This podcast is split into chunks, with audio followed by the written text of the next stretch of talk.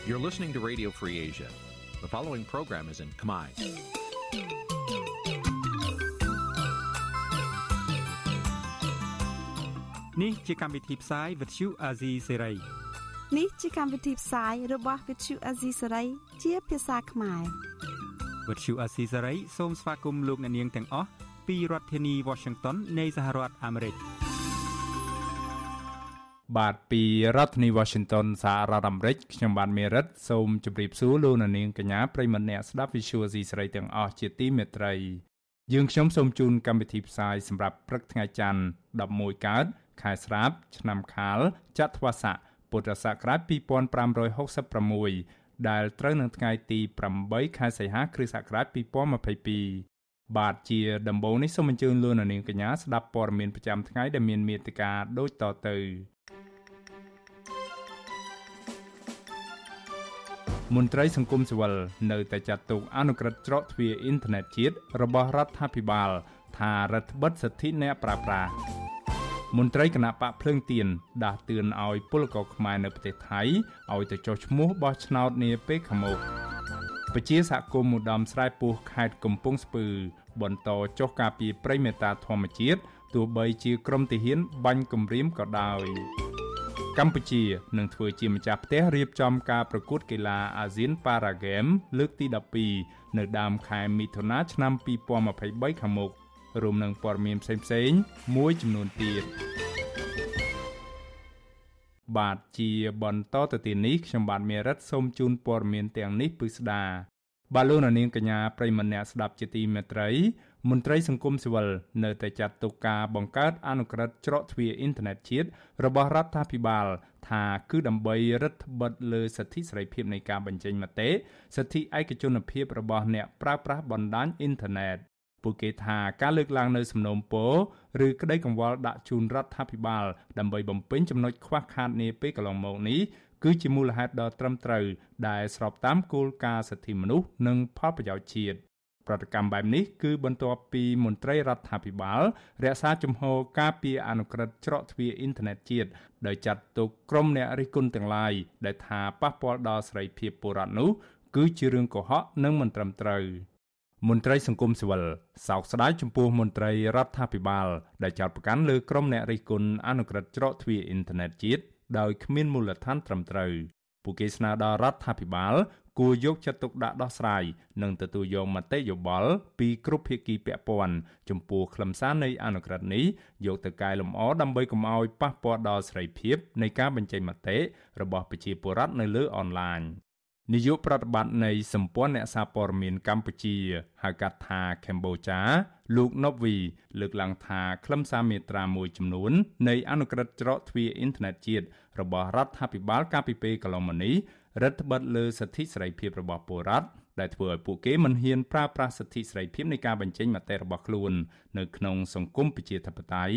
ដោយសារតែអនុក្រឹត្យនេះដាក់សម្ពាធលើប្រតិបត្តិការអ៊ីនធឺណិតឲ្យតាមដាន រក្សាទុកទិន្នន័យនិងរាយការណ៍ព័ត៌មានរបស់អ្នកប្រើប្រាស់ដោយតាមការបញ្ជារបស់អាជ្ញាធរជាដើមលោកណូវីបញ្ជាក់ថាការបង្កើតអនុក្រឹត្យច្រកទ្វារអ៊ីនធឺណិតជាតិដោយទៅនឹងប្រទេសផ្សេងទៀតដើម្បីបម្រើឲ្យផលប្រយោជន៍របស់ពលរដ្ឋ ដោយមិនបម្រើផលប្រយោជន៍របស់បុគ្គលឬក្រុមតូចនោះគឺជារឿងល្អក៏ប៉ុន្តែលោកទទូចដល់រដ្ឋាភិបាល គួរបង្កើតអនុក្រឹត្យឬច្បាប់ទាំងឡាយណាដែលចាំបាច់ដើម្បីបម្រើឲ្យផលប្រយោជន៍សាធារណជនទូទៅនិងស្របតាមគោលការណ៍សិទ្ធិមនុស្សអន្តរជាតិដែលកម្ពុជាផ្ដល់សច្ចាប័នលោកបន្តទៀតថាម្យ៉ាងវិញទៀតរដ្ឋាភិបាលគួរទទួលយកមតិយោបល់បំពេញចំណុចខ្វះចន្លោះនានាពីក្រុមអង្គការសង្គមស៊ីវិល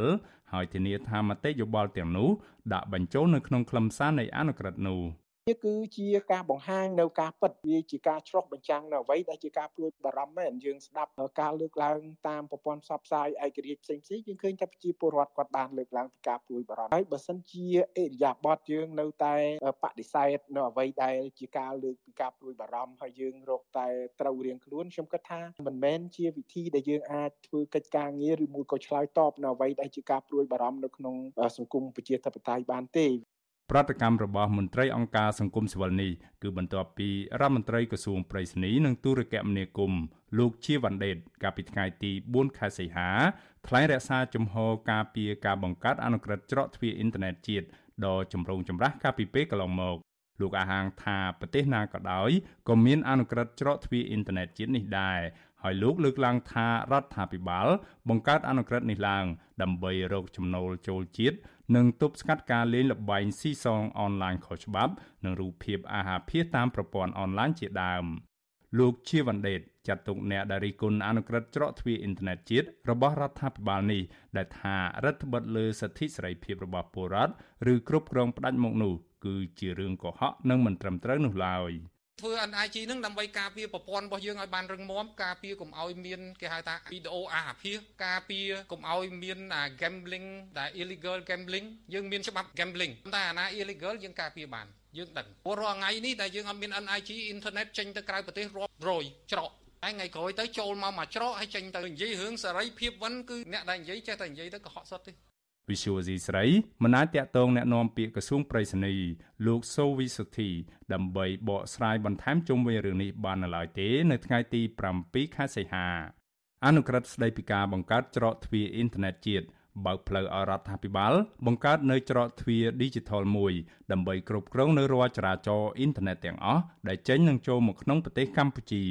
អនុក្រឹត្យនេះអនុញ្ញាតឲ្យក្រុមហ៊ុនប្រតិបត្តិការច្រកទ្វារអ៊ីនធឺណិតជាតិ ដែលតែងតាំងដោយរដ្ឋាភិបាលអាចរាំងខ្ទប់ឬផ្ដាច់ការតភ្ជាប់អនឡាញណាមួយអាចរក្សាទុកទិន្នន័យចរាចរណ៍លើអ៊ីនធឺណិតរយៈពេលដល់ទៅ1ឆ្នាំអាចផ្ដល់ព័ត៌មានជាក់លាក់អំពីបណ្ដាញព្រមទាំងដាក់ចេញនូវការពិន័យដ៏ទូលំទូលាយចំពោះក្រុមហ៊ុនប្រតិបត្តិការទូរគមនាគមន៍ទាំងឡាយណា ដែលមិនព្រមគ្រប់តាម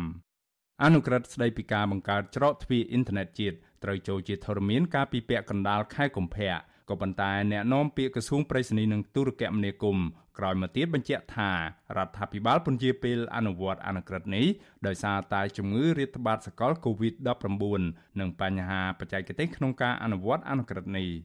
ទូយ៉ាងណានាយកទទួលបន្ទុកកិច្ចការទូតនៃអង្គការសិទ្ធិមនុស្សលីកាដូលោកអំសំអាត មានប្រសាសន៍ថាប្រទេសមួយចំនួន បានបង្កើតអនុក្រឹត្យច្រកទ្វារអ៊ីនធឺណិតជាតិនេះដែរក៏ប៉ុន្តែប្រទេសទាំងនោះបានការពារនិងលើកកម្ពស់សិទ្ធិអ្នកប្រើប្រាស់និងក្រុមហ៊ុនប្រតិបត្តិការអ៊ីនធឺណិតទាំងអស់មិនដូចខ្លឹមសារនៅក្នុងអនុក្រឹត្យរបស់កម្ពុជានោះទេលោកបារម្ភចំពោះអនុក្រឹត្យនេះថានឹងប៉ះពាល់ដល់ប្រតិបត្តិការនិងរំលោភសិទ្ធិរបស់ពលរដ្ឋដែលបើកដៃឲ្យអាជ្ញាធរនៅក្នុងការតាមដាន និងបិទព័ត៌មាន ឬប្លុកគេហទំព័ររបស់អ្នកប្រើប្រាស់ និងក្រុមអ្នករិះគន់រដ្ឋាភិបាលមិនឲ្យចេញផ្សាយបាន ហើយពួកគេកាន់តែប្រឈមទៅនឹងការឆ្លប់យកការនិងការចោទប្រកាន់ផ្សេងៗពីសំណាក់អាជ្ញាធរចំពោះការងាររបស់ពួកគេ ការសង្គមស៊ីវិលជាច្រើនក៏ធ្លាប់បានចេញសេចក្តីថ្លែងការណ៍កន្លងមកថាសូមឲ្យលុបចោលទៅលើអនុក្រឹត្យនេះដែលយើងនៅអង្គការសង្គមស៊ីវិលមើលឃើញថាមានការព្រួយបារម្ភក្នុងការប៉ះពាល់ទៅដល់សិទ្ធិសេរីភាពនិងការបញ្ចេញមតិរបស់ពលរដ្ឋសិទ្ធិសេរីភាពរបស់អ្នកវិនិយោគជាពិសេសប្រតិបត្តិការជាដើមនឹង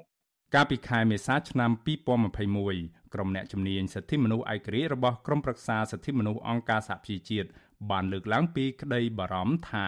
អនុក្រឹត្យនេះបង្កនៅហានិភ័យដល់សេរីភាពជាមូលដ្ឋានរបស់បុគ្គលដូចជាសេរីភាពនៃការសម្ដែងមតិនិងបញ្ចេញមតិសិទ្ធិឯកជនភាព ដែលផ្ទុយទៅនឹងបទដ្ឋានសិទ្ធិមនុស្សអន្តរជាតិនិងច្បាប់របស់កម្ពុជាក្រុមអ្នកជំនាញទាំងនោះព្រមានថាការបង្កើតច្រកទ្វារអ៊ីនធឺណិតជាតិនឹងបង្កើតឲ្យមាននៅផលប៉ះពាល់ជាអវិជ្ជមានយ៉ាងធ្ងន់ធ្ងរដល់សេរីភាពនៅលើអ៊ីនធឺណិត ប៉ះពាល់ដល់ក្រុមអ្នកការពារសិទ្ធិមនុស្សនិងអង្គការសង្គមស៊ីវិលក្នុងស្រុកព្រមទាំងធ្វើឲ្យកាន់តែរួមតូចបន្ថែមទៀតនៅលំហសង្គមស៊ីវិលដែលកំពុងតែទទួលរងនឹងការរដ្ឋបិទស្រាប់នៅក្នុងប្រទេសកម្ពុជា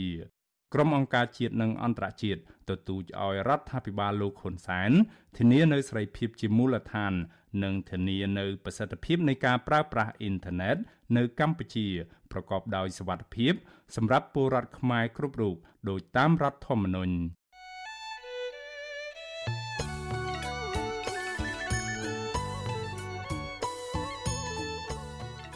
បាទលោកនាងកញ្ញាប្រិមម្នាក់ស្ដាប់ជាទីមេត្រី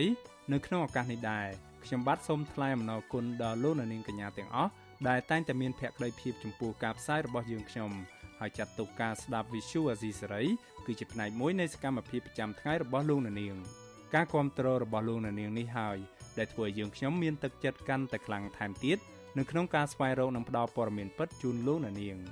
មានអ្នកស្ដាប់និងអ្នកទស្សនាកាន់តែច្រើនកាន់តែធ្វើយើងខ្ញុំមានភាពស្វាហាប់និងមោះមុតជាបន្តទៅទៀត បាទយើងខ្ញុំសូមអរគុណទុកជាមុនហើយសូមអញ្ជើញលោកអ្នកនាងកញ្ញាចូលរួមជំរុញឲ្យសកម្មភាពផ្តល់ព័ត៌មានពិតរបស់យើងខ្ញុំនេះកាន់តែជោគជ័យបន្ថែមទៀតលោកអ្នកនាងអាចជួយយើងខ្ញុំបានដោយគ្រាន់តែចុចចែករំលែកឬ Share ការផ្សាយរបស់យើងខ្ញុំនៅលើបណ្ដាញសង្គម Facebook និង YouTube ទៅកាន់មិត្តភ័ក្តិដើម្បីឲ្យការផ្សាយរបស់យើងបានទៅដល់មនុស្សកាន់តែច្រើន បាទសូមអរគុណ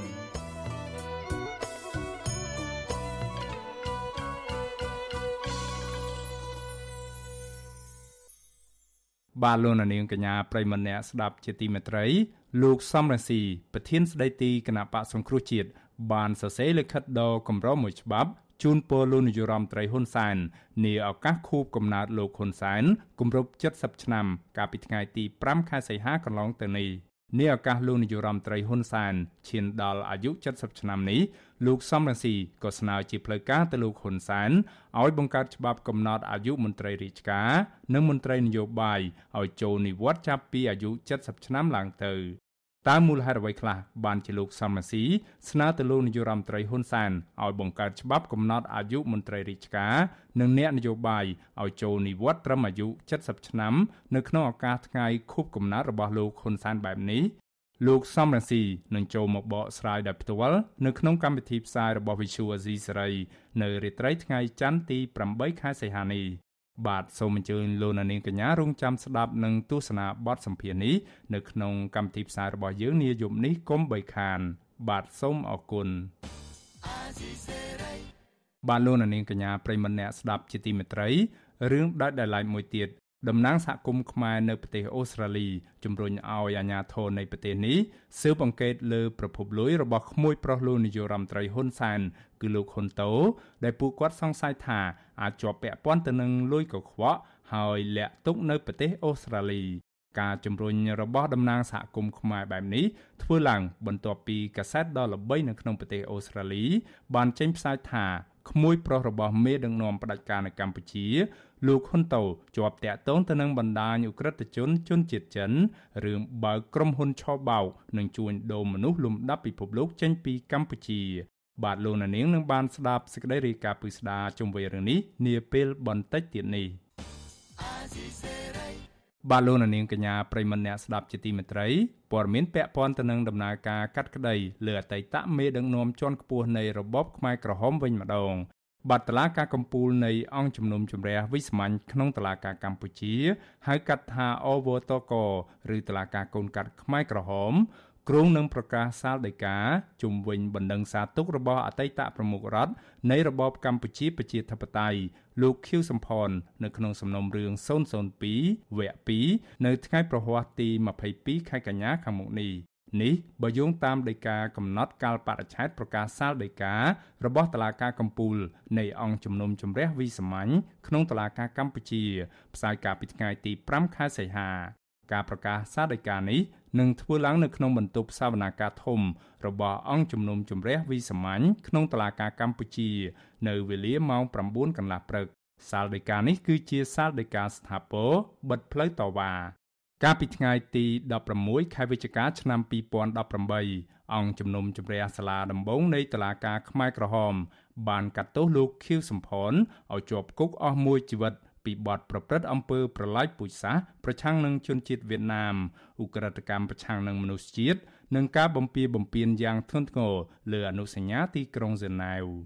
លោកខៀវសំផននិងសហមេធាវី បានប្តឹងសារទុកប្រឆាំងទៅនឹងការកាត់ទោសនេះអង្គជំនុំជម្រះតឡាការកំពូលនៃតឡាការខ្មែរក្រហម បានបញ្ចប់សវនាការលើបណ្ដឹងសារទុកនេះកាលពីថ្ងៃទី19ខែសីហាឆ្នាំ2021 តឡាការខ្មែរក្រហម បានបំបែកសំណុំរឿង002ទៅជំនុំជម្រះជាផ្នែកតូចៗគឺសំណុំរឿង002វគ្គ1និងសំណុំរឿង002វគ្គ2សំណុំរឿង002វគ្គ1ផ្ដោតជាចម្បងលើឧក្រិដ្ឋកម្មប្រឆាំងមនុស្សជាតិដែលតាក់ទងទៅនឹងការផ្លាស់ទីលំនៅប្រជាជនដោយបង្ខំចេញពីក្រុងភ្នំពេញ និងក្រោយមកទៀតចេញពីតំបន់ផ្សេងផ្សេង និងការសម្លាប់ទាហានលន់ នល់នៅទីតាំងសម្លាប់មនុស្សទួលពូជ្រៃបន្ទាប់ពីខ្មែរក្រហមឡើងកាន់អំណាចភ្លាមៗនៅក្នុងឆ្នាំ1975សំណុំរឿង002នេះដំបូងឡើយមានជនជាប់ចោទ4រូបគឺអតីតឧបនាយករដ្ឋមន្ត្រី និងជារដ្ឋមន្ត្រីក្រសួងការបរទេសនៃរបបកម្ពុជាប្រជាធិបតេយ្យលោកអៀងសារី និងប្រពន្ធរបស់គាត់អៀងធីរិតជាអតីតរដ្ឋមន្ត្រីក្រសួងសង្គមកិច្ច លោកនួនជា ជាអតីតប្រធានរដ្ឋសភានៃរបបកម្ពុជាប្រជាធិបតេយ្យនិងជាអនុលេខាបកកុម្មុយនីសកម្ពុជានិងលោកខៀវសំផនដែលជាអតីតប្រមុខរដ្ឋនៃរបបកម្ពុជាប្រជាធិបតេយ្យក៏ប៉ុន្តែដំណើរការក្តីប្រឆាំងទៅនឹងលោកអៀងសារីត្រូវបានបញ្ចប់កាលពីខែមីនាឆ្នាំ2013ក្រោយពីគាត់បានស្លាប់នៅថ្ងៃនោះរីឯប្រពន្ធរបស់អៀងសារី គឺអៀងធីរិត ត្រូវបានតឡាការរកឃើញថាពុំមានសម្បទាអាចចូលរួមនៅក្នុងការជំនុំជម្រះបានទេ ដោយសារតែជំងឺវង្វេងស្មារតីអៀងធរិតបានស្លាប់កាលពីខែសីហាឆ្នាំ2015នៅថ្ងៃទី23ខែវិច្ឆិកាឆ្នាំ2016តឡាការកំពូលនៃអង្គជំនុំជម្រះវិសាមញ្ញក្នុងតឡាការខ្មែរក្រហម បានតម្កល់ការផ្ដន់ទាទោសឲ្យជាប់គុកអស់មួយជីវិតសម្រាប់នួនជានិងខៀវសំផន រីឯសំណុំរឿង002វគ្គ2វិញសំណុំរឿងនេះផ្ដោតលើអំពើប្រល័យពូជសាសន៍ប្រឆាំងនឹងជនជាតិចាម និងជនជាតិវៀតណាម ការរៀបអាពាហ៍ពិពាហ៍ដោយបង្ខំការរំលោភសេពសន្តិវៈនិងអំពើក្រិតកម្មមួយចំនួនទៀតតឡាការដំបងនៃអង្គជំនុំជម្រះតឡាការខ្មែរក្រហម បានកាត់ទោសនួនជា និងខៀវសំផនឲ្យជាប់គុកអស់មួយជីវិត ពីបទប្រព្រឹត្តឧក្រិដ្ឋកម្មប្រឆាំងមនុស្សជាតិ ការបំពៀបំពៀនយ៉ាងធ្ងន់ធ្ងរលើអនុសញ្ញាទីក្រុងហ្សឺណែវនិងអំពើប្រល័យពូជសាសន៍លើជនជាតិវៀតណាមតឡាការដំបងនៃតឡាការខ្មែរក្រហមក៏បានកាត់ទោសនួនជា ពីបទប្រល័យពូជសាសន៍ប្រឆាំងនឹងជនជាតិចាមផងដែរអង្គជំនុំជម្រះបានរួមបញ្ចូលគ្នានឹងការផ្ដន្ទាទោសទាំងពីរសំណុំរឿងនេះទៅជាការផ្ដន្ទាទោសដាក់ពន្ធនាគារអស់មួយជីវិតតែមួយនួនជា បានស្លាប់កាលពីថ្ងៃទី4ខែសីហាឆ្នាំ2019 ដោយឡែកសំណុំរឿង001ដែលជាសំណុំរឿងដំបូងគេតឡាការកំពូលខ្មែរក្រហម បានកាត់ទោសអតីតប្រធានមន្ត្រីស21ឬគុកទួលស្លែងឈ្មោះកាំងកេកអ៊ីវហៅដូចឲ្យជាប់គុកអស់មួយជីវិតពីបទឧក្រិដ្ឋកម្មប្រឆាំងមនុស្សជាតិនិងការបំពៀបំពៀនយ៉ាងធ្ងន់ធ្ងរលើអនុសញ្ញាទីក្រុងហ្សឺណែវដូចបានស្លាប់កាលពីថ្ងៃទី2ខែកញ្ញាឆ្នាំ2020 ក្រោយពីបានដំណើរការអស់រយៈពេលជាង1ទសវត្សរ៍កន្លះមកនេះគឺចាប់តាំងពីត្រូវបានបង្កើតដំបូងឡើង កាលពីដើមឆ្នាំ2006ដែលជាផ្នែកមួយនៃដំណើរការស្វែងរកយុត្តិធម៌និងផ្សះផ្សារបួសផ្លូវចិត្តជូនដល់ជនរងគ្រោះពីរបបកម្ពុជាប្រជាធិបតេយ្យតឡាការកូនកាត់ខ្មែរក្រហមនឹងត្រូវបិទបញ្ចប់អាណត្តិរបស់ខ្លួនជារៀងរហូត នៅដំណាច់ឆ្នាំ2022នេះ សាលាក្តីខ្មែរក្រហម បានចំណាយថវិកាអស់មិនតិចជាង300លានដុល្លារអាមេរិកទេ ចាប់តាំងពីបើកឲ្យដំណើរការដំបូងនៅដើមឆ្នាំ2006មក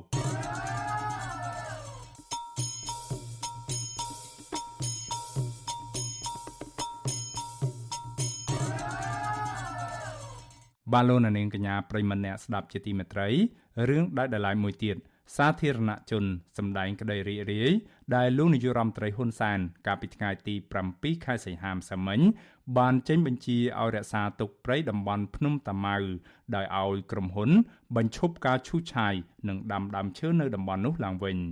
បញ្ជារបស់លោកនាយរដ្ឋមន្ត្រីហ៊ុនសែនឲ្យបញ្ឈប់រាល់ការឈូសឆាយបំផ្លាញព្រៃអភិរក្សការពារដោយព្រៃចក្រិតនៅតំបន់ភ្នំតាម៉ៅនេះធ្វើឡើងក្រោយពេលសាធារណជនទូទៅ រួមមានអង្គការសង្គមស៊ីវិលនិងក្រុមយុវជនស្រឡាញ់បរិស្ថានផង បានធ្វើយុទ្ធនាការនិងបញ្ចេញមតិយ៉ាងផុសផុលប្រឆាំងទៅនឹងការបំផ្លិចបំផ្លាញធនធានធម្មជាតិដ៏មានតម្លៃនៅទីនោះបាទលោកជីវិតារីកាព័រមេនី ប្រជាពលរដ្ឋរស់នៅភូមិកណ្ដឹងឃុំកណ្ដឹង ក្បែរព្រៃភ្នំតាម៉ៅលោកស្រីភុងសុធីប្រាប់វិទ្យុអាស៊ីសេរីថាប្រជាជនបាននាំគ្នាថែរក្សាព្រៃតំបន់ភ្នំតាម៉ៅជាង20ឆ្នាំមកហើយពលគឺតាំងពីព្រៃមានកម្ពស់ត្រឹមក្បាលជង្គង់ប៉ុន្តែនៅពេលគេឈូសឆាយគេចំណាយពេលត្រឹមតែជិត1សប្តាហ៍ប៉ុណ្ណោះបានបំផ្លិចបំផ្លាញព្រៃឈើអស់រាប់រយហិកតាយ៉ាងណាក៏ដោយចុះទោះបីជាព្រៃត្រូវបានឈូសឆាយគំតិចខ្លះៗហើយក្តី ក៏លោកស្រីថាលោកស្រីសប្បាយចិត្តនៅពេលបានដំណឹងថារដ្ឋាភិបាលបានបញ្ឈប់ការឈូសឆាយហើយគ្រងនឹងឲ្យមានការដាំដើមឈើឡើងវិញពេលខ្ញុំនៅដងក្តីមកដើមឈើទូទូចទេឥឡូវថែអាសាវាបានដើមឈើធំធំអស់ហើយហ្នឹងថាបានថាគាត់អត់នេះចឹងវាអអឡើងថាចង់ស្រក់ទឹកភ្នែកចាមុនពេលលោកនាយករដ្ឋមន្ត្រីហ៊ុនសែនចេញបញ្ជាឲ្យបញ្ឈប់ការឈូសឆាយព្រៃតំបន់ភ្នំតាម៉ៅនៅព្រឹកថ្ងៃទី7ខែសីហានេះ ក្រមយុវជនខ្មែរថាវរៈនិងក្រមយុវជនចលនាមេដាធម្មជាតិបានចេញធ្វើការតស៊ូមតិពីកន្លែងផ្សេងគ្នា អ្នកនាងឈឿនដារាវីប្រាប់វិទ្យុអាស៊ីសេរីថា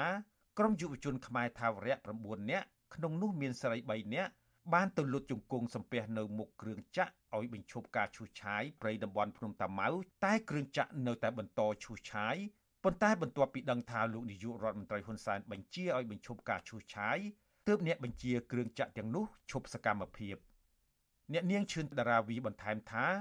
នេះគឺជាគំរូភាពជោគជ័យបានមកពីការចូលរួមបញ្ចេញមតិរបស់មហាជន ហើយអ្នកនាងសំណូមពរឲ្យសាធារណជនបន្តភាពក្លាហានបញ្ចេញមតិដើម្បីដោះស្រាយបញ្ហាផ្សេងផ្សេងទៀតដែលកំពុងកើតមាននៅក្នុងសង្គមកម្ពុជាអារម្មណ៍ម្នាក់ម្នាក់ពេលហ្នឹងគឺខុសសម្បើមហើយដល់ថ្នាក់លោតកឆេងកឆាងពេញហ្នឹង គឺភ្លាមភ្លាមគឺរំភើបណាស់ហើយជាមួយនឹងពលរដ្ឋដែលដែលយើងបានជួបតាមផ្លូវក៏បានប្រាប់ថាឥឡូវគេនឹងឈប់ឈូសហើយគឺម្នាក់ម្នាក់សុបាយដែលមានសង្ឃឹមឡើងវិញភ្លាមណាអញ្ចឹងអ្វីដែលពួកយើងធ្វើគឺជោគជ័យចំណែកសកម្មជនបរិស្ថានចលនាមេដាធម្មជាតិបានធ្វើយុទ្ធនាការសង្គ្រោះភ្នំតាម៉ៅដោយជិះស៊ីក្លូពីទីក្រុងភ្នំពេញទៅសួនសត្វភ្នំតាម៉ៅយុទ្ធនាការនេះមានយុវជនចូលរួមជាង10នាក់ ហើយពួកគេបានប្រើពាក្យស្លោកថាអភិរក្សតំបន់ភ្នំតាម៉ៅឲ្យដូចអភិរក្សស៊ីក្លូអ្នកគ្រប់គ្រងគម្រោងសង្គ្រោះនិងថែរក្សាសត្វព្រៃនៃអង្គការសម្ព័ន្ធសត្វព្រៃលោកនិចម៉ាក់ប្រាប់វិទ្យុអាស៊ីសេរីថាលោករីករាយដែលលោកនាយករដ្ឋមន្ត្រីហ៊ុនសែនបញ្ជាឲ្យរក្សាព្រៃតំបន់ភ្នំតាម៉ៅហើយលោកអរគុណដល់សាធារណជនដែលបានជួយបញ្ចេញមតិនិងធ្វើយុទ្ធនាការសង្គ្រោះព្រៃភ្នំតាម៉ៅនៅលើ Facebook រហូតមកដល់ពេលនេះ ជាមួយគ្នានេះលោកបន្ថែមថា អង្គការសម្ព័ន្ធសត្វព្រៃកំពុងត្រៀមពិភាក្សាជាមួយក្រុមហ៊ុនលេណាវ៉ាត្រាដើម្បីដាំដើមឈើឡើងវិញនៅកន្លែងដែលបានឈូសឆាយហើយលោកក៏ស្វាគមន៍អង្គការនានា សហការជាមួយអង្គការលោកដើម្បីដាំដើមឈើដែរយំយំយំសបាយយំ សូមអរគុណប្រជាជនទាំងអស់ជួយជួយចង្កាពីប្រៃសូមអរគុណ net gazette អរគុណលោកទៀតនិងមួយទៀតសូមអរគុណលេងនវត្រានិងសម្ដេចហ៊ុនសែន Facebook page លោកនាយករដ្ឋមន្ត្រីហ៊ុនសែននៅថ្ងៃទី7មេសានេះបង្ហោះសារថា ដោយមានសំណូមពរជាច្រើនមករដ្ឋាភិបាលនិងក្នុងនាមលោកជាអ្នកមានទំនួលខុសត្រូវខ្ពស់បំផុតនៃរាជរដ្ឋាភិបាលលោកចេញបញ្ជាឲ្យរក្សាព្រៃក្បែរសួនសត្វភ្នំតាម៉ៅនិងបញ្ឈប់ការឈូសឆាយដីព្រៃហើយដាំដើមឈើឡើងវិញនៅកន្លែងដែលបានឈូសឆាយភ្លាមភ្លាមបន្ទាប់ពីលោកនាយករដ្ឋមន្ត្រីហ៊ុនសែនបង្ហោះបញ្ជានេះពលរដ្ឋបានបញ្ចេញសារសាទរនិងអរគុណដល់លោកហ៊ុនសែនជាមួយគ្នានេះ ពលរដ្ឋក៏បានសំណូមពរដល់រដ្ឋាភិបាលឲ្យបញ្ឈប់ក្រុមហ៊ុនផ្សេងផ្សេងទៀតដែលកំពុងបំផ្លាញព្រៃឈើនៅតំបន់ផ្សេងទៀតដែរម្ចាស់គណនី Facebook លោកហេងកំហុងបានខមមិនថាខ្ញុំសូមអរគុណណាស់សម្ដេចតែខ្ញុំសូមឲ្យសម្ដេចពិនិត្យមើលនៅព្រៃមេតាធម្មជាតិមួយទៀតនៅខេត្តកំពង់ស្ពឺក្នុងស្រុកអូរ៉ាល់ក្រុមហ៊ុនលេងណាវ៉ាត្រាបានចាប់ផ្ដើមឈូសឆាយដីព្រៃតំបន់ភ្នំតាម៉ៅកាលពីថ្ងៃទី1ខែសីហា ហើយក្រុមហ៊ុននេះបានសម្រុកឈូសឆាយទាំងយប់ទាំងថ្ងៃដោយគិតមកដល់ថ្ងៃនេះក្រុមហ៊ុនបានឈូសឆាយដីព្រៃអស់ជិត400ហិកតា សាធារណជនបានថ្កោលទោសចំពោះការផ្ដាល់សិទ្ធិដល់ក្រុមហ៊ុនឯកជនវិនិយោគឈូសឆាយដីព្រៃតំបន់ភ្នំតាម៉ៅដែលមានទំហំប្រមាណ2500ហិកតាព្រោះព្រៃនៅតំបន់នេះជាជំរកសត្វព្រៃនិងបក្សីជិតផុតពូជហើយក៏ផ្ដល់អនុផលព្រៃឈើដល់ប្រជាពលរដ្ឋរស់នៅតំបន់ក្បែរនោះដែរ ជាពិសេសទៅទៀតនោះព្រៃតំបន់ភ្នំតាម៉ៅជាព្រៃអភិរក្សការពារដោយព្រះរាជក្រឹត្យទៀតផង អង្គការសង្គមស៊ីវិលរហូតមកដល់ពេលនេះតែងតែរិះគន់រដ្ឋាភិបាលថាមិនបានសិក្សាស្រាវជ្រាវឲ្យបានត្រឹមត្រូវមុនផ្ដល់ដីសម្បត្តិដល់ក្រុមហ៊ុនវិនិយោគនោះទេ ការផ្ដល់ដីព្រៃតំបន់ឧទ្យានសួនសត្វនិងមជ្ឈមណ្ឌលសង្គ្រោះសត្វព្រៃភ្នំតាម៉ៅដែលជាទ្រព្យសម្បត្តិសាធារណៈរបស់រដ្ឋក៏មិនបានអនុវត្តឲ្យបានត្រឹមត្រូវតាមច្បាប់ផងដែរព្រោះកន្លងមក ក្រុមហ៊ុនបានចូលឈូសឆាយដីព្រៃតំបន់ភ្នំតាម៉ៅដោយសំអាងលើអនុក្រឹត្យអន្តរកាល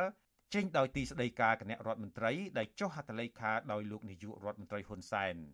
តាមច្បាប់ភូមិបាលរដ្ឋសភាត្រូវបង្កើតឲ្យមានច្បាប់អនុប្រយោគជាមុនសិន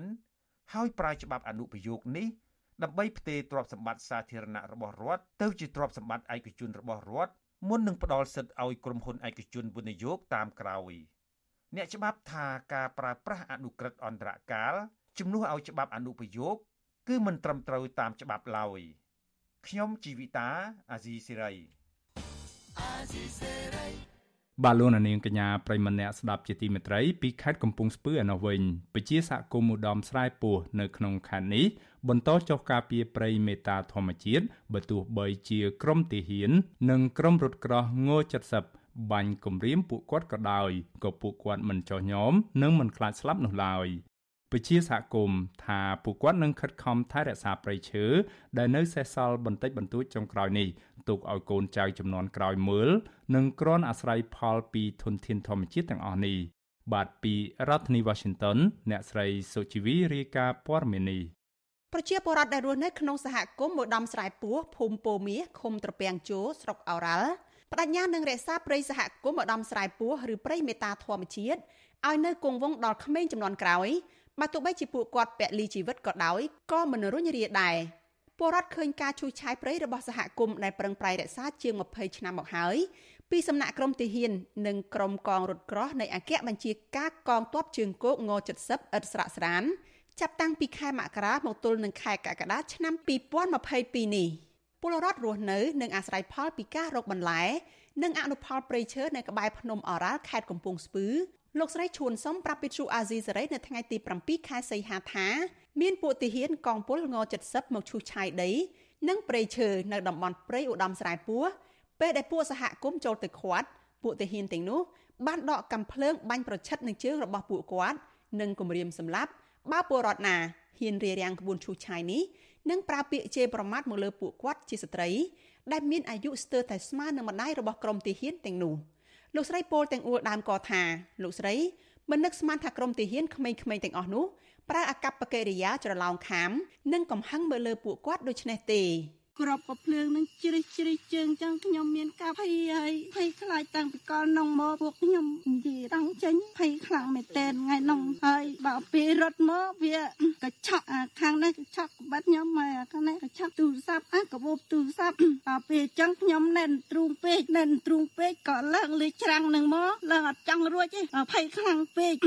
ភ័យខ្លាំងពេកពួក ខ្ញុំនឹងក៏តាំងពីកលមកខ្ញុំបាក់ច្បាតអញ្ចឹងមកហូតតឡូនឹងតែឲ្យមានការទៅទៀតខ្ញុំក៏ទៅទៀតថ្ងៃមុនខ្ញុំទៅមើលអីគេអីឈូសហ្នឹងស្រដៀងគ្នានេះដែរពលរដ្ឋម្នាក់ទៀតរស់នៅពឹងលើការរកបន្លែផ្លែឈើនៅភ្នំអរ៉ាល់នេះដែរលោកស្រីឈុនសុកប្រាប់ថាពីមុនពលរដ្ឋនៅក្បែរនេះអាចខ្វៀលគោក្របី នៅតំបន់ស្រែពោះនេះបានតែតាំងពីមានក្រុមទាហានប្រមាណ40គ្រួសារមកតាំងទីលំនៅនៅទីនេះ នឹងបានកាប់បំផ្លាញព្រៃឈើឈូសឆាយដីគ្មានសល់លោកស្រីបន្តថានៅពេលពលរដ្ឋបាត់គោបាត់ក្របីចូលទៅរកក្នុងព្រៃដែលទាហានកំពុងកាន់កាប់នោះគឺតែងតែរកឃើញតែឥឡូវពួកទាហានមិនអោយពួកគាត់ចូលទៅជិតតំបន់នោះទៀតទេលោកស្រីនិយាយទាំងអស់សង្ឃឹមថាពលរដ្ឋពឹងលើរដ្ឋាភិបាលឲ្យជួយរក្សាព្រៃឧត្តមស្រែពោះដែលសេសសល់បន្តិចបន្តួចនេះលោកស្រីបន្តថាព្រៃស្រោងទាំងនេះគង់វង្សមកដល់សប្តាហ៍ថ្ងៃនេះដោយសារពួកគាត់នាំគ្នាការពារលោកស្រីបញ្ជាក់ថា ពួកទាហានកងពលង70បានប្រមាថអាយុជីវិតលោកស្រី ដោយពោលថាបើពួកគេបាញ់សម្លាប់ពួកលោកស្រីបោះខ្មោចចោលកណ្ដាលព្រៃក៏គ្មានច្បាប់ណាធ្វើអ្វីពួកគេបានដែរ ចង់ចាប់ដាក់គុកអ្នកឈូសឆាយអត់រត់ដែលចាប់ដាក់គុកទេបែរអ្នកការពារចង់ចាប់ដាក់គុកវិញខ្ញុំឆ្ងល់ហើយខ្ញុំក៏តូចចិត្តជាខ្លាំងពិបាកជាខ្លាំងតុំបីតគូមពេលេងទៅមើលក៏មិនបាត់ពេលបាត់ក៏ហ៊ានទៅរមទៅទៅហ៊ានទៅរកគូដែលខ្លាចខ្លាចគីកំរៀមគីកំហែងគីចាប់ចង់ចាប់ដាក់គុកដាក់អីដាក់គុកដាក់ច្រវាក់វិទ្យុអាស៊ីសេរីមិនអាចតាក់ទងសុំការអធិប្បាយជុំវិញបញ្ហានេះពីអភិបាលខេត្តកំពង់ស្ពឺលោកវៃសំណាង និងក្រុមទាហានកងរថក្រោះង70បានទេ នៅល្ងាចថ្ងៃទី7ខែសីហា តែលោកធ្លាប់មានប្រសាសន៍ថាកន្លងមក នៅពេលមានបទល្មើសលោកតែងតែបញ្ជាឲ្យអាជ្ញាធរពាក់ព័ន្ធចុះទៅបង្ក្រាបភ្លាមហើយលោកបានស្នើឲ្យប្រជាសហគមន៍និងអង្គការសង្គមស៊ីវិលទាំងអស់សហការគ្នាជាមួយអាជ្ញាធរត្រូវសហការឲ្យបានឆាប់រហ័សបើឃើញបទល្មើសព្រៃឈើកើតឡើងនៅកន្លែងណា ជុំវិញរឿងនេះដែរប្រធានផ្នែកស្រាវជ្រាវនឹងតស៊ូមតិនៃបណ្ដាញយុវជនកម្ពុជាហៅកាត់ថា CYN លោកហេងកំហុងយល់ឃើញថាកងកម្លាំងទាហានដែលជាកម្លាំងពិសេសសម្រាប់ការពារប្រទេសជាតិមិនគួរប្រើអេរិយាប័ត្រគ្មានសិលធម៌ជាប្រមាថមើងងាយរហូតបានដកកាំភ្លើងបាញ់ទៅលើពលរដ្ឋខ្លួនឯងដូច្នេះទេបើទោះបីជាក្រុមទាហានទទួលបានដីសម្បត្តិពីរដ្ឋនៅព្រៃសហគមន៍មកដំស្រែពោះនោះក៏ដោយ លោកស្នើរដ្ឋាភិបាលឲ្យបញ្ឈប់ក្រុមទាហានទាំងនោះកុំឲ្យយកកាំភ្លើងបាញ់គំរាមប្រជាពលរដ្ឋបន្តទៀតហើយទី2លោកសូមឲ្យសង្គ្រោះព្រៃសហគមន៍មកដំស្រែពោះឡើងវិញដូចជាការសង្គ្រោះព្រៃនៅភ្នំតាម៉ៅដែរ។ ខ្ញុំមានសំណុំពរពីរបាទទី1ទៅកាន់រដ្ឋបាលខេត្តមិនគួរបង្ងើយកតើយនឹងអ្វីដែលខ្លួនឯងបានដឹងហើយបន្តឲ្យនៅទីនោះបង្កគម្រាមកំហែងដល់សន្តិសុខប្រជាពលរដ្ឋបែបនេះទេបាទហើយនឹងទី2បើសិនជារដ្ឋាភិបាលមិនទាន់បានដឹងទេខ្ញុំជឿថាព័ត៌មាននេះហើយថ្ងៃនេះខ្ញុំបានចូលខមមិនផ្ទាល់នៅក្នុង page របស់នាយករដ្ឋមន្ត្រីហ៊ុនសែនដែរឲ្យបានដឹងហើយនឹងដោះស្រាយខ្ញុំសង្ឃឹមរំពឹងថានឹងមានការដោះស្រាយដោយករណីភ្នំតាម៉ៅដែរបាទក្រសួងបរិស្ថានកាលពីឆ្នាំ2022ប្រកាសជាផ្លូវការថាក្រសួងចាត់ទុកព្រៃសហគមន៍ម្ដំស្រែពោះឬហៅថាព្រៃមេតាធម្មជាតិជាព្រៃអភិរក្ស ព្រោះព្រៃនៅទីនេះជាជំរកសម្រាប់សត្វព្រៃគ្រប់ប្រភេទរស់នៅ និងជាព្រៃភ្នំសម្រាប់ផ្ដល់ប្រយោជន៍ដល់សហគមន៍ស្រែពោះព្រៃមេតាធម្មជាតិមានផ្ទៃក្រឡា800ហិកតា តែមកដល់ពេលនេះត្រូវបានក្រមទាហានកងរថក្រោះង70អ្នកមានលុយមានអំណាច បានខົບខិតគ្នាវាទីយកស្ទើរតែអស់នៅសល់ប្រហែល30ហិកតាហើយនឹងអាចហិនហោចនៅក្នុងពេលដ៏ខ្លីខាងមុខប្រសិនបើអាជ្ញាធរពាក់ព័ន្ធនៅតែមិនជួយទប់ស្កាត់ កាលពីខែសីហាឆ្នាំ2021កន្លងទៅរដ្ឋាភិបាលបានចេញអនុក្រឹត្យជ្រៀលដីព្រៃសហគមន៍ម្ដំស្រែពោះមានទំហំជិត300ហិកតាពីដែនជំរកសត្វព្រៃភ្នំអរ៉ាល់នៅក្នុងភូមិពោមៀឃុំត្រពាំងជោស្រុកអរ៉ាល់ខេត្តកំពង់ស្ពឺដើម្បីចែកជូនគ្រួសារយោធិនង70កងរថក្រោះចំនួន41ហិកតាសម្រាប់សាងសង់លំនៅឋាន និងបង្កបង្កើនផល ព្រៃសហគមន៍នេះមានសត្វព្រៃកម្រជាច្រើនប្រភេទរស់នៅរួមមានទោចស្វាកង្កោកមាន់ព្រៃឆ្លុះនិងស្វាព្រាមជាដើមកំពុងប្រឈមបាត់បង់ទីជម្រកនិងខ្លះរត់ទៅជ្រកនៅតំបន់ផ្សេងដោយសារពុំមានទីជម្រកហើយមានសត្វព្រៃខ្លះទៀតត្រូវពួកជនខិលខូចលួចបរបាញ់សម្លាប់ធ្វើអាជីវកម្មនេះខ្ញុំសុជីវី With you Azizi Serai ពីរដ្ឋធានី Washington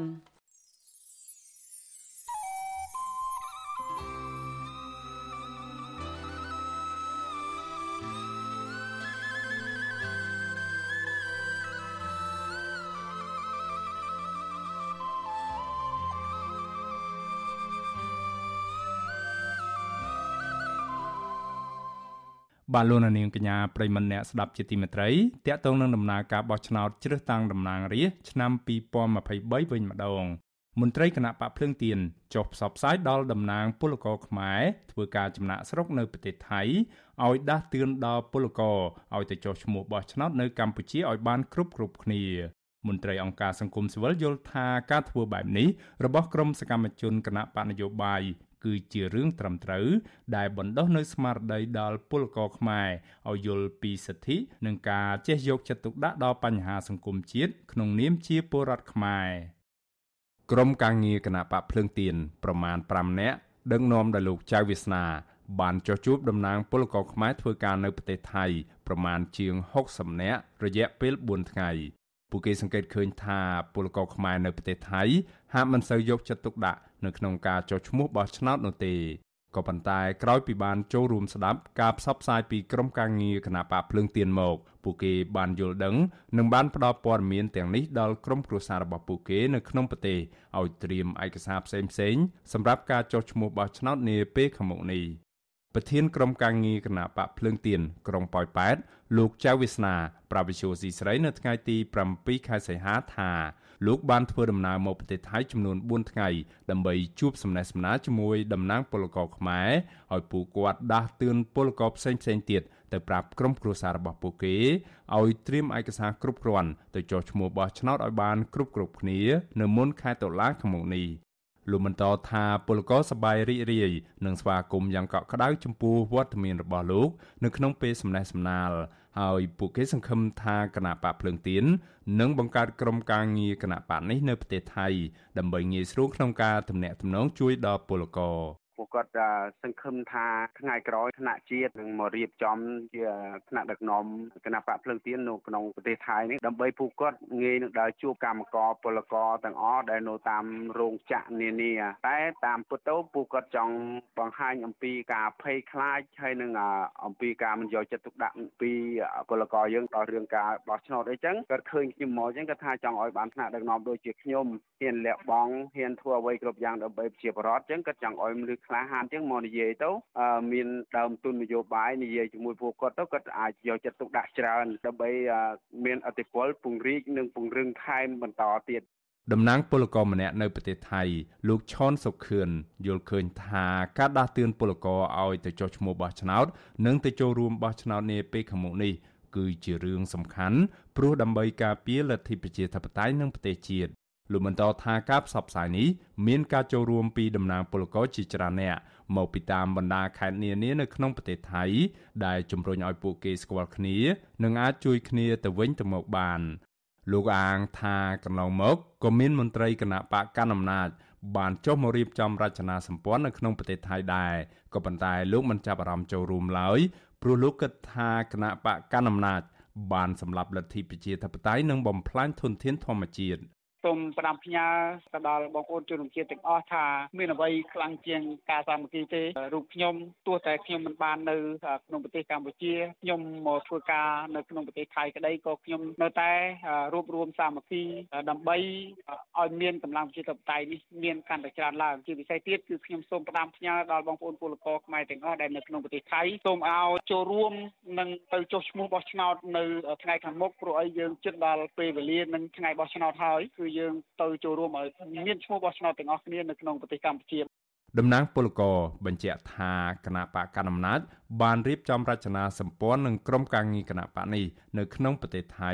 ហើយបានផ្ដល់ផលប្រយោជន៍មួយចំនួនដល់តំណាងពលករខ្មែរនិងក្រុមការងារពលករមួយចំនួនក្នុងនោះមានដូចជាសម្ភារៈប្រើប្រាស់និងរថយន្តជាដើម តកតងនឹងបញ្ហានេះ Visual C ស្រីមិនអាចតកតងแนะនាំពាក្យគណៈបកប្រជាជនកម្ពុជា លោកសុកអេសាននិងแนะនាំពាក្យរដ្ឋាភិបាលលោកផៃស៊ីផានដើម្បីសូមអត្ថាធិប្បាយជុំវិញរឿងនេះបាននៅឡើយទេនៅថ្ងៃទី7ខែសីហាមន្ត្រីជាន់ខ្ពស់ផ្នែកអង្គការនិងតស៊ូមតិនៃអង្គការ Confrel លោកកនស្វាង លើកឡើងថាការគៀងគោនិងដាស់តឿនផ្សព្វផ្សាយឲ្យពលរដ្ឋទៅចុះឈ្មោះបោះឆ្នោត និងទៅបោះឆ្នោត គឺជារឿងសំខាន់និងជាការចូលរួមជួយដល់ស្ថាប័នកោចបមួយផ្នែកលោកបន្តថាសកម្មភាពនេះគ្មានអ្វីខុសឆ្គងឡើយនៅពេលចោះជួយពន្យល់ដល់ពលរដ្ឋឲ្យយល់ដឹងពីការចោះឈ្មោះបោះឆ្នោត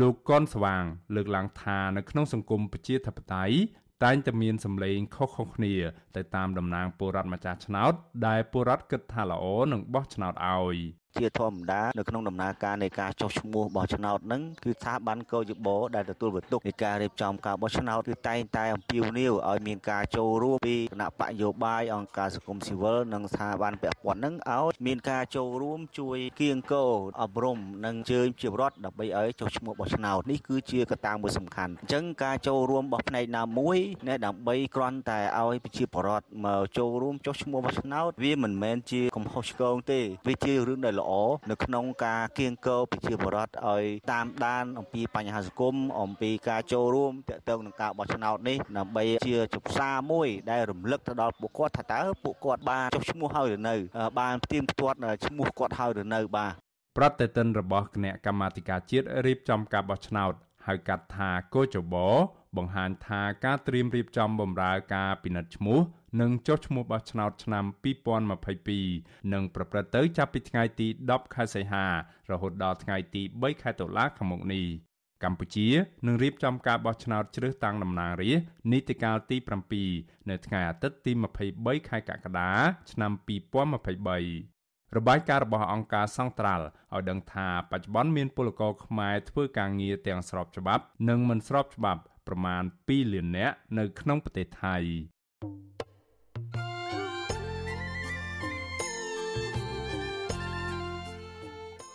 បាទលោកនាងប្រិមម្នាក់ស្ដាប់ជាទីមេត្រីដំណើរគ្នានឹងស្ដាប់ការផ្សាយរបស់ Visual Asia សេរីតាមបណ្ដាញសង្គម Facebook និង YouTube លោកអ្នកនាងក៏អាចស្ដាប់កម្មវិធីផ្សាយរបស់ Visual Asia សេរីតាមប្រឡោកធារកាសខ្លីឬ Shortwave តាមកម្រិតនិងកម្ពស់ដូចតទៅនេះ ពេលព្រឹកចាប់ពីម៉ោង5កន្លះដល់ម៉ោង6កន្លះតាមរយៈរលកធារកាសខ្លី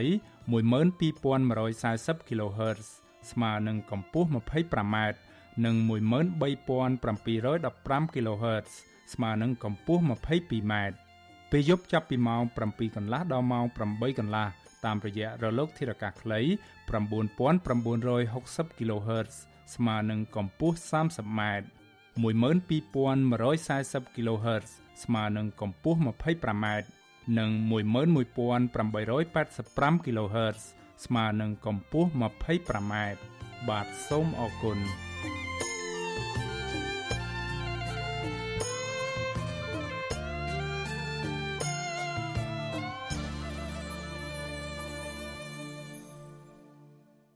បាទលោកនាងកញ្ញាប្រិមម្នាក់ស្ដាប់ជាទីមេត្រី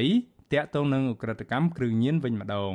មន្ត្រីសង្គមស៊ីវិលស្នើដល់អាជ្ញាធររដ្ឋាភិបាលឲ្យចុះត្រួតពិនិត្យរោងចក្រសហគ្រាសជាពិសេសម្ចាស់សហគ្រាសក្រុមហ៊ុនចិនធំធំបើកអាជីវកម្មរកស៊ី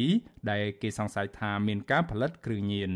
ការស្នើនេះធ្វើឡើងក្រោយពីពួកគាត់មើលឃើញថាកំណើននៃអ្នកជួញដូរនិងប្រើប្រាស់គ្រឿងញៀនកំពុងរីកសាយភាយយ៉ាងខ្លាំងដោយសារតែលំហូរនៃការនាំចូលគ្រឿងញៀននៅកម្ពុជា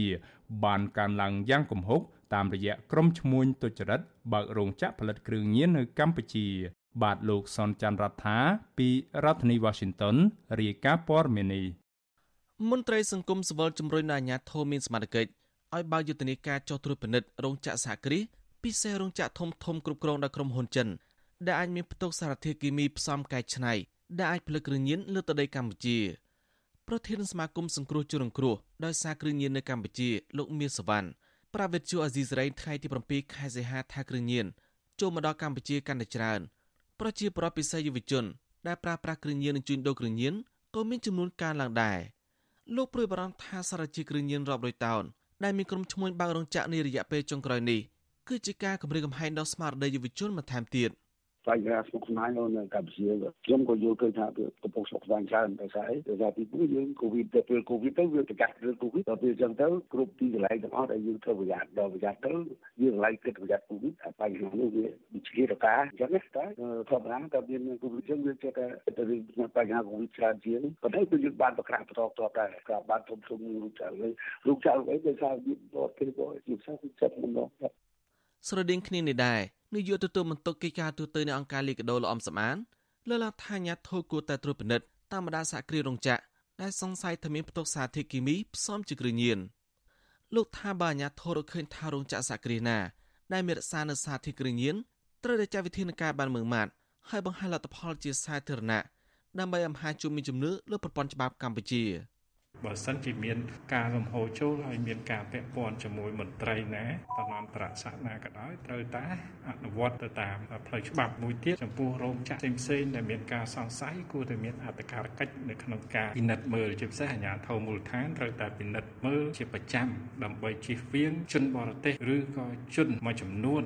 ឆ្លៀតយករោងចក្រទៅផលិតជាគ្រឿងញៀន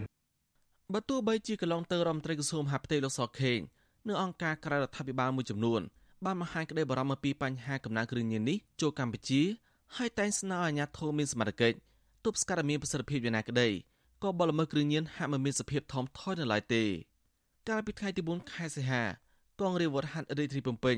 បង្ក្រាបបានក្រុមឈ្មោះជួញដូរគ្រឿងញៀន2នាក់ដែលស្ថិតនៅសង្កាត់ចំចៅ2ខណ្ឌពោធិ៍សែនជ័យរាជធានីភ្នំពេញអគ្គមេបញ្ជាការរងកងយុទ្ធពលខេមរៈភូមិន្ទ និងជាមេបញ្ជាការកងរាជវុធហត្ថលើផ្ទៃប្រទេសលោកសាសុខាឲ្យកសាក្នុងស្រុកដឹងថ្ងៃទី7ខែសីហាថាកម្លាំងជំនាញបើកការស៊ើបអង្កេតច្រើនខែមកហើយហើយបានខកខ្លួនជនសង្ស័យហើយរឹបអូសគ្រឿងញៀនបានជាច្រើនប្រភេទស្របជា26គីឡូក្រាម សារធាតុផ្សំជាវត្ថុរាវចំនួន15ដុំចិញ្ចៀនថ្លឹងចំនួន5គ្រឿងម៉ាស៊ីនលាយថ្នាំគ្រឿងញៀនចំនួន2គ្រឿងព្រមទាំងឧបករណ៍វេចខ្ចប់គ្រឿងញៀនមួយចំនួនធំ។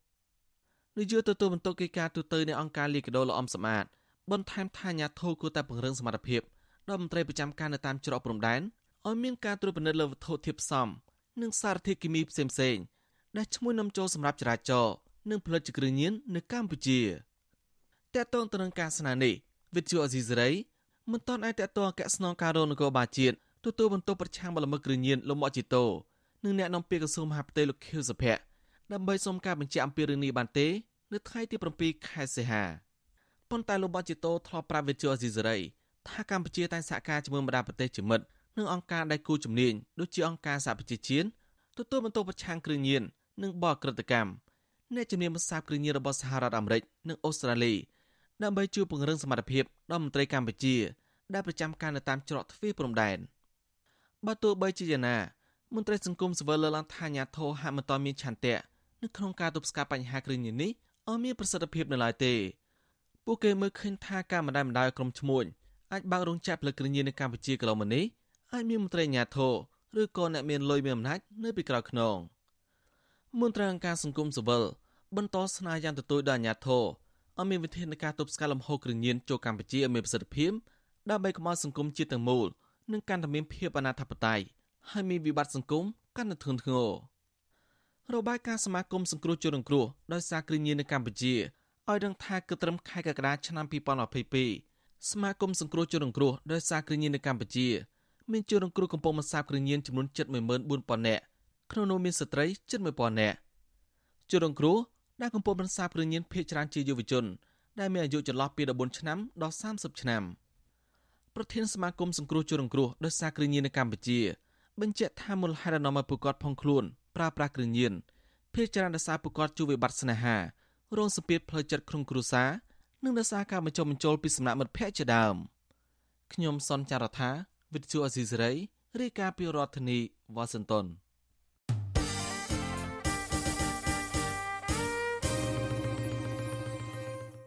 បាទលោកនាងកញ្ញាប្រិមម្នាក់ស្ដាប់ជាទីមេត្រី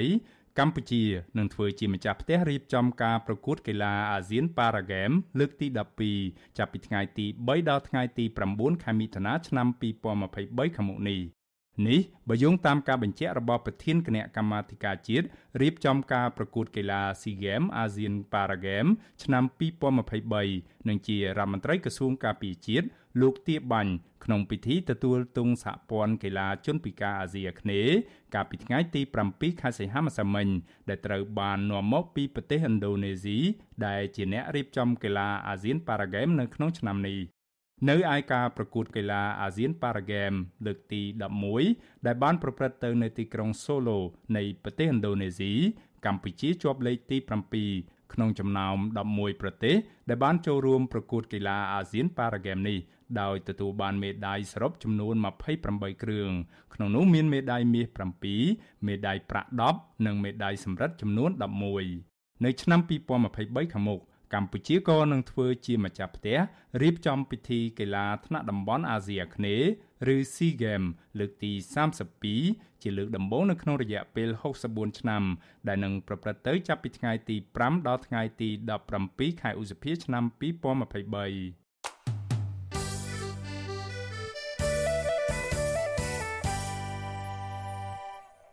បាទលោកនាងកញ្ញាប្រិមមអ្នកស្ដាប់ជាទីមេត្រី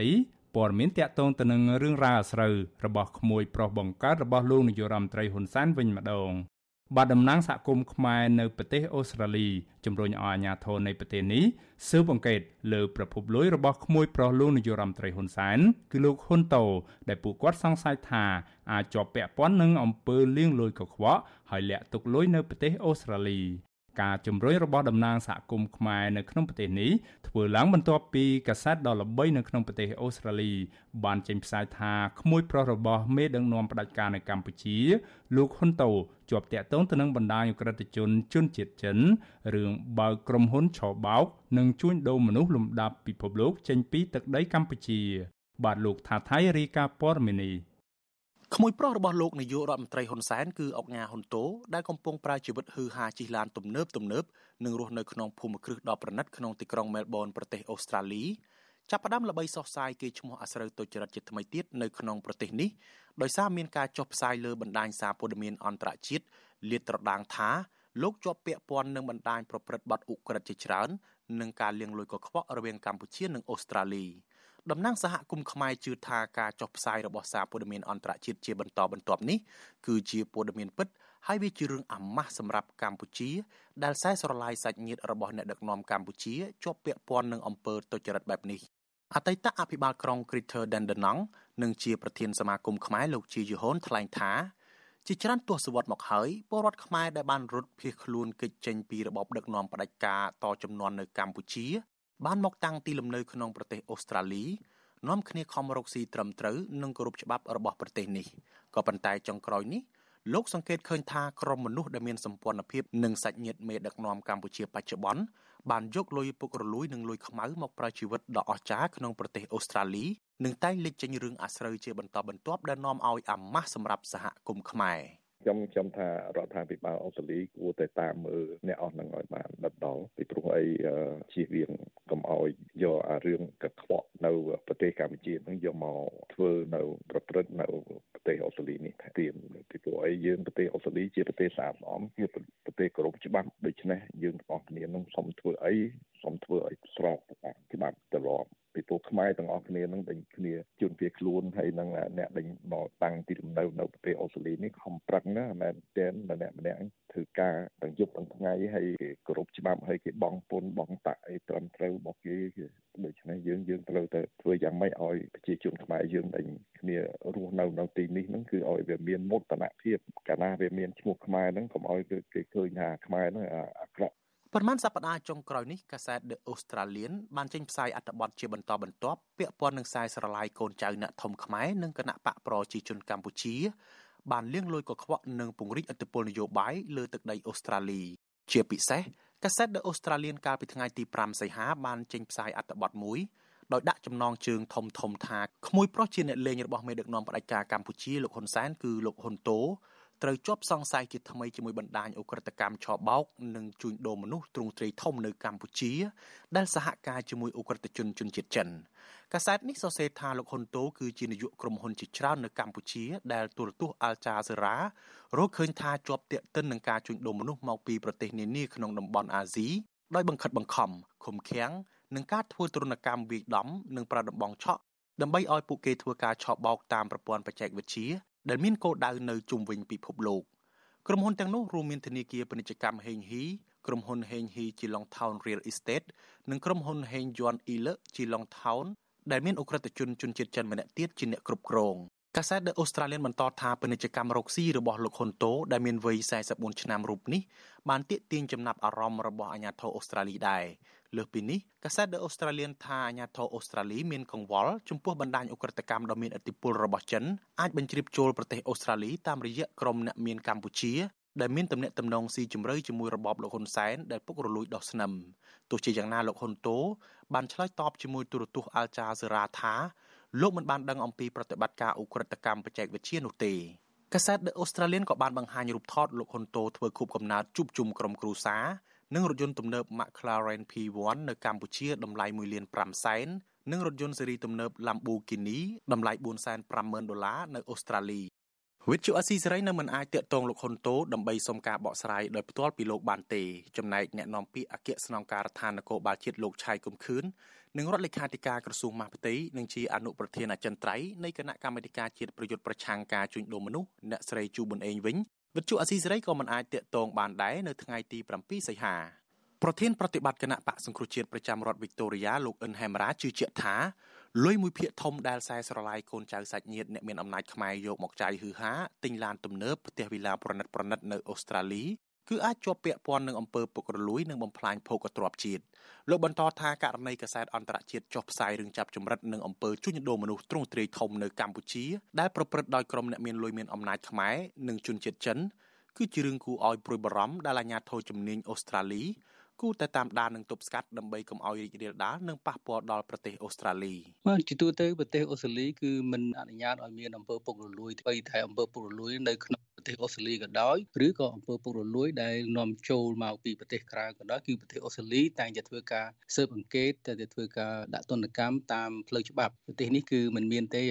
គេហៅថាអាជ្ញាធរនៅក្រឹកដែលគ្រប់គ្រងតុលាការហ្នឹងមិនដូចជារបបនៅក្នុងភ្នំពេញទេគឺមានន័យថាតុលាការអូស្ត្រាលីនឹងស៊ើបអង្កេតហើយអ្វីដែលគេរកឃើញជាពិសេសខាងប៉ុនដានៅពេលដែលគេរកឃើញគេអាចនឹងចាត់វិធានការជាច្រើនទៅលើជនទាំងនោះហើយថ្មីថ្មីនេះយើងឃើញច្បាប់មួយហៅច្បាប់ថា autonomous sanction Act 21ហ្នឹងរបស់អូស្ត្រាលីដែលស្តី Magnitsky Act ហ្នឹងគឺបានដាក់ទណ្ឌកម្មដល់បុគ្គលមួយចំនួននៅរុស្ស៊ីហើយហើយដូច្នេះអ្នកដែលយកលុយខ្មៅឬក៏ប្រព្រឹត្តអំពើពុករលួយមកអូស្ត្រាលីហ្នឹងក៏អាចនឹងត្រូវបានច្បាប់ហ្នឹងយកមកប្រើដែរបាទក្រោយបញ្ចប់របបខ្មែរក្រហមពលរដ្ឋខ្មែរគ្រប់រូបសុទ្ធតែកសាងជីវភាពពីបាតដៃទទេដូចគ្នាក៏ប៉ុន្តែក្រុមគ្រួសារអ្នកមានអំណាចខ្មែរដែលធ្វើការងាររាជការប្រាក់ខែក្រ1000ដុល្លារអាមេរិកនិងគ្មានមុខចំនួនច្បាស់លាស់ផងនោះ បានប្រែក្លាយជីវភាពដោយមានទ្រព្យសម្បត្តិមហាសាលដ៏ឆាប់រហ័សគណៈពលរដ្ឋនិងប្រទេសកម្ពុជានៅតែជាប់ឈ្មោះក្រីក្រនៅកម្ពុជាលោកហ៊ុនតូមានទ្រព្យសម្បត្តិនិងភូមិគ្រឹះធំធំជាច្រើនកន្លែងក្នុងនោះមានភូមិគ្រឹះមួយធំជាងគេស្ថិតនៅពីក្រោយសន្តាគារអង្គតកងតំណងតាល់ក្រុងភ្នំពេញនៅប្រទេសអូស្ត្រាលីលោកហ៊ុនតូធ្លាប់ត្រូវបានជាប់សង្ស័យនឹងករណីជាច្រើនដូចជាការលាងលុយកខ្វក់ការជួញដូរគ្រឿងញៀននិងផ្ញើលិខិតគម្រាមដល់អាយុជីវិតតំណាងសហគមន៍ខ្មែរ3រូប ដែលដឹកនាំការតវ៉ាប្រឆាំងវត្តមានលោកហ៊ុនសែនក្នុងពេលបំពេញទស្សនកិច្ចនៅប្រទេសអូស្ត្រាលីកាលពីឆ្នាំ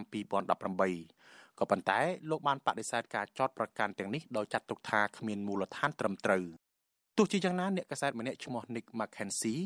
ដែលសរសេរអត្ថបទបែបវិភាគឲ្យទស្សនាវដ្តី The Sting លាតត្រដាងកាលពីឆ្នាំ2012ឲ្យដឹងថាអាញាធរអូស្ត្រាលីពិតជាមានគម្រោងចាប់ឃាត់ខ្លួនលោកហ៊ុនតូនៅទីក្រុងមែលប៊នម្ដងហើយ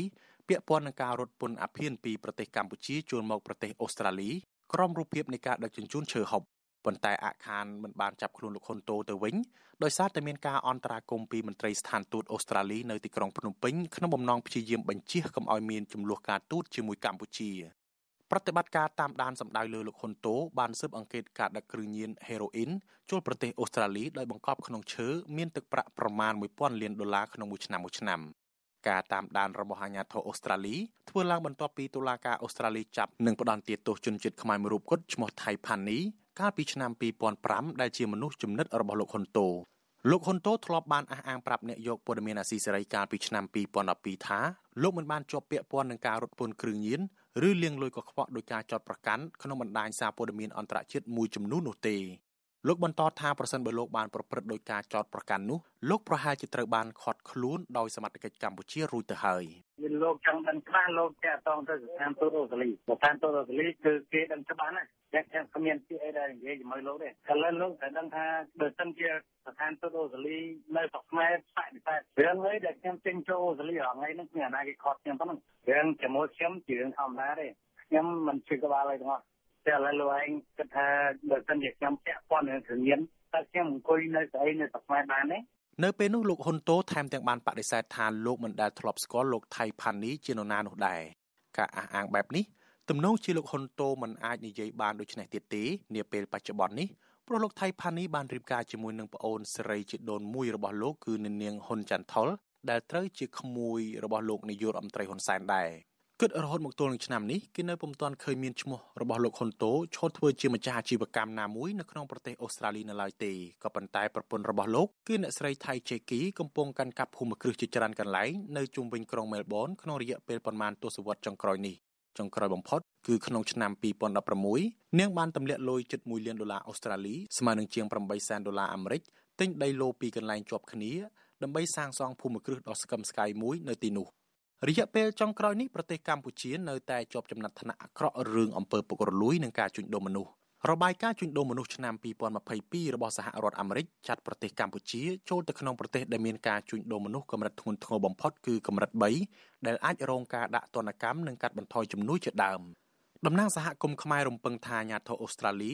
នឹងតាមដានករណីប្រភពលុយឬជំនួញរបស់ខ្សែស្រឡាយកូនចៅដែលមានអំណាចកំពូលកំពូលនៅកម្ពុជា ហើយអនុវត្តច្បាប់ដើម្បីកុំឲ្យប៉ះពាល់គុណតម្លៃប្រជាធិបតេយ្យនិងនីតិរដ្ឋរបស់ប្រទេសអូស្ត្រាលីខ្ញុំថាថៃពីទីក្រុងមែលប៊ន